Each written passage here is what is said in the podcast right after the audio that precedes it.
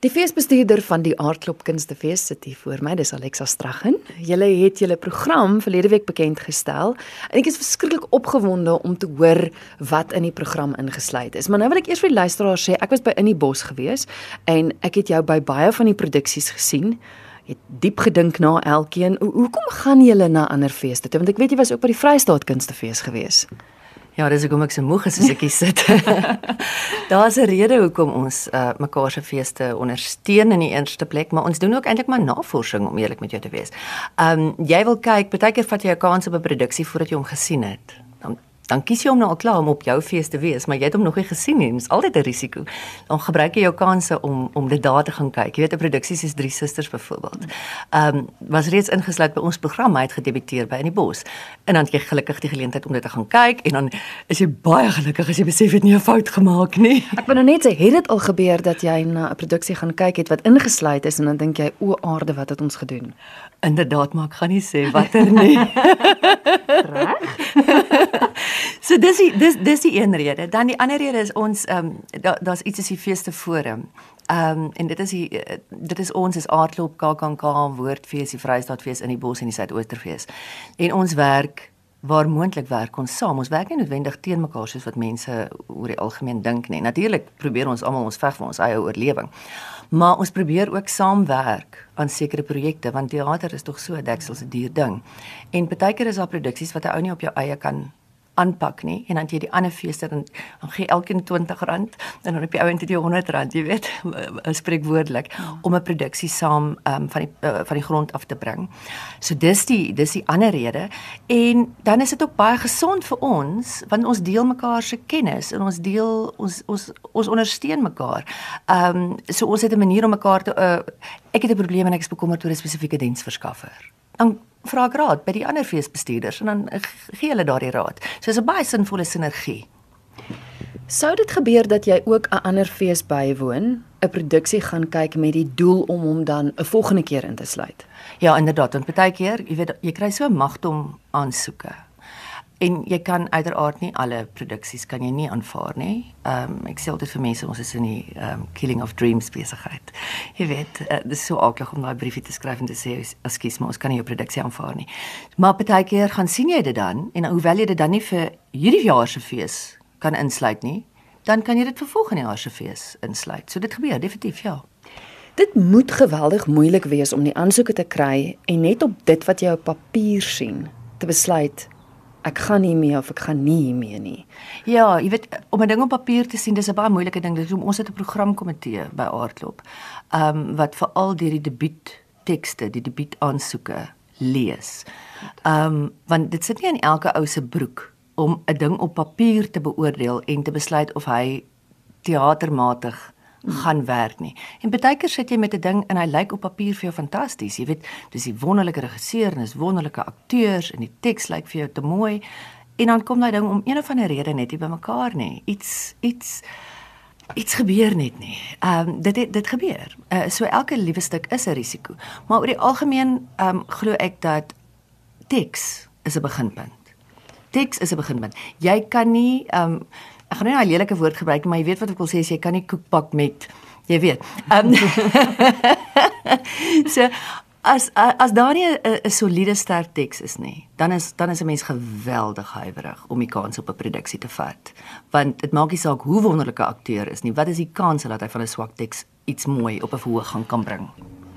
Julle het 30 debuutproduksies by Aardklop wat nogal baie is.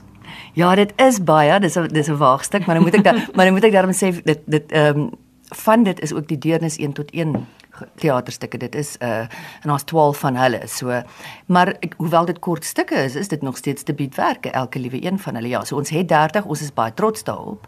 Ehm um, dis ook daai fyn balans. Ek wil ek wil sommer daarbey aansluit.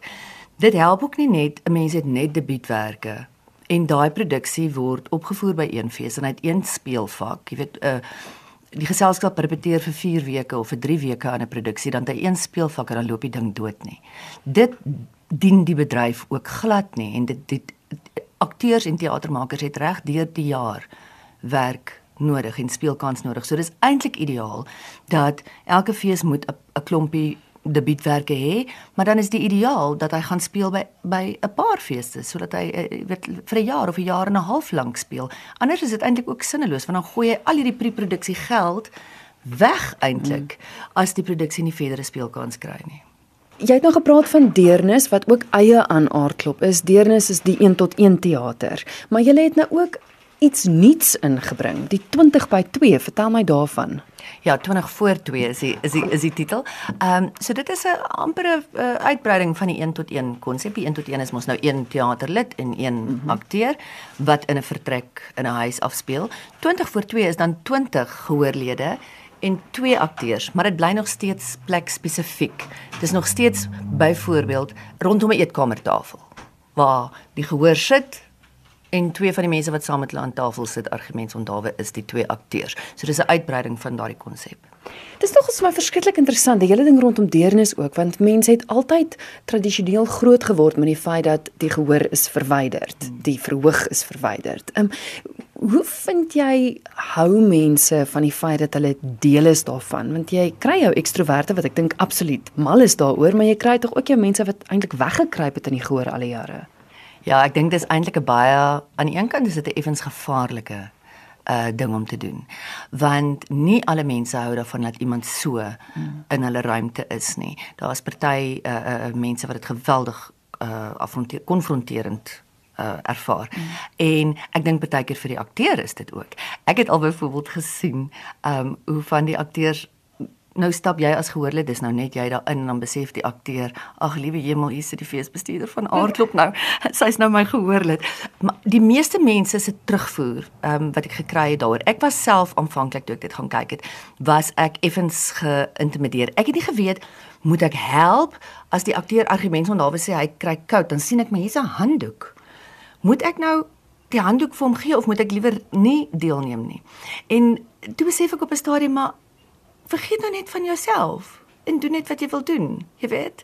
Ehm um, so ek hoor van gehoorlede wat wat wat die akteur uh, uh, probeer troos en ek hoor van uh gehoorlede wat dan wel die akteur wil 'n drukkie gee. Ehm um, maar daar's 'n fyn grens. 'n Mens moet beide die gehoorlid en die akteur se ruimte moet 'n mens beskerm. Julle is nie bang om kwessies aan te spreek nie. Daar's baie van die produksies, baie van die debuutproduksies wat regtig ernstige kwessies aanspreek. Ek dink wat so teruggaan na die rol van teater, wat nie skroom om te sê hoe dinge is nie. Vertel my gou van die kwessies. Ja, ek dink om om dit net te bevestig wat jy sê is, ek dink een van teater se se doelstellings is om mense aan die praat te kry. Ek gee nie eintlik om hulle hoef nie net goeie goed te sê nie solank hulle reageer, solank hulle praat, solank hulle debatteer, hulle kan die man en die vrou kan al die pad vanaand tot in die bed nog beklei oor 'n stuk, dan beteken voel dit vir my ek het iets reg gekry as mense as uh, kwessies as hulle begin gesels oor goeder. So het ons byvoorbeeld my seuns wat ek dink 'n geweldige relevante tema is. Um om vir jou kortliks te verduidelik, dit speel af op ouma wat Sandra Prinsloo vertolk se verjaardagpartytjie. Haar seun is 'n 'n wit Afrikaner man, maar hy het 'n uh, vir MK aan MK se kant geveg. En nou wag hy vir 'n regterspos. En hy is nou met die huidige bedeling is hy bekommerd dat hy oorgeslaan gaan word. Desnieteenstaande aan, aan watter kant hy geveg het in die apartheidsjare, is hy bekommerd want hy's nou wit, gaan hy nou aangestel word. En hy is getroud met 'n bruin vrou wat vertolk word deur uh, Sandy Schultz. En uit die huwelik is daar twee seuns. Uh Donovan Peterson en Edwin van der Walt speel dit. En daar's nog 'n verskriklike relevante kwessie ter sprake, want die een seun lyk witter en die een seun lyk bruiner. En hierdie is 'n geweldige relevante ding nog steeds in bruin gemeenskappe, in bruin gesinne, want die een voel sy lewe is makliker. Uh die een seun voel die een wat witter lyk, se lewe is makliker as wat hy wat bruin lyk se lewe is. En dan hulle nog boonop verlief op dieselfde meisie ook. So dit is so lekker familiedrama, maar in 'n baie baie definitiewe reg Suid-Afrikaanse huidige situasie geplaas. Ja, dis my seuns en dan is daar uh, bloed en bodem. Jy weet, uh, kom ons wees nou maar eerlik, grond. Grond in Suid-Afrika, grense. Ehm um, plaasaanvalle en ons persepsies oor wie word aangeval op plase en waarom word hulle aangeval op plase. Dit is 'n relevante kwessie en ons moet absoluut daaroor praat. Dit is wat ons moet doen. Uh Martinus Bason hanteer die regie daarvan en is weer eens geskryf deur Marina Albertyn. Uh dis die span van laas jaar se melk en vleis wat so skoonskip gemaak het oral. En ons het gevoel maar kom ons ons hierdie span moet ons mos nou. Dis nou dis nou amper stap 2 gee om, om nog 'n produksie te doen. En dan is daar ook 'n produksie wat oor kwessies waarna jy verwys, is daar 'n produksie met naam Huishou. Ehm um, Nadia Welwekens uh, maak na 13 jaar se TV werk haar terugkeer na die verhoog toe saam met Sintyn Skutte onder spelleiding van Nico Skeepers en hierdie stuk speel af ehm um, dit is twee gay vrouens in 'n verhouding Afrikaanse Afrikaanse vrouens en hulle oorweeg om 'n swart kind aan te neem. So daar het ons dan nou daardie die verhoudingsaspek tussen die twee vrouens en dan die kwessie rondom neem ons hierdie swart kind aan of nie. Dis lekker. Mense gaan praat.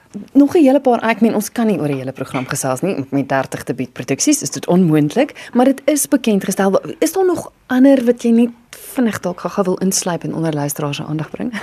Ja, daar's baie, maar soos jy sê, kom ons praat net vinnig oor 'n produksie met die naam Lykskou. Dit ehm um, klink verskriklik swaar, maar dit is glad nie. Wessel Pretoria het dit geskryf. Dit is so lekker donker komedie. Janie Swiegelaar en Bouer Bosch speel daarin. Hulle speel 'n broer en 'n suster wat 'n lyksonderneming van hulle vader geërf het. Ehm um, en hulle so hulle hulle versorg en gremeer lyke maar al alles bietjie skelm. Ehm um, en hulle reis so van platlandse dorpie na platteland plattelandse dorpie waar hulle dan nou hierdie lijksversorging doen. Ehm um, met uh, baie interessante en komiese nagevolge. Uh, so dis dis like skou en dan is daar kortliks is daar 'n produksie met uh, die titel My mense is die klits kwyt en hoe waar is dit nou nie? Dit is natuurlik geskryf oor Afrikaanse mense, verskillende Afrikaanse mense. Uh dit is met De Klerk Olofse, Rolien Daniel en Ludwig Binge en Wessel Pretoria is weer eens hanteer die regie. Die kaartjies is oop, die program is beskikbaar. Waarheen gaan luisteraars? Luisteraars gaan asseblief na Ticketpro. Die kaartjies open, die kaartjieverkope open Maandag, die 23ste. En uh Ticketpro is natuurlik op die webwerf, is dit beskikbaar, maar daar is meer as 2300 verkoopspunte landwyd by sekere takke van Spar, Edgars, Jet en CNA. So ons dink kaartjieverkope gaan maklik wees. Die belangrikste van alles, die datums van die fees is 2 tot 7 Oktober, maar dan moet mense ook onthou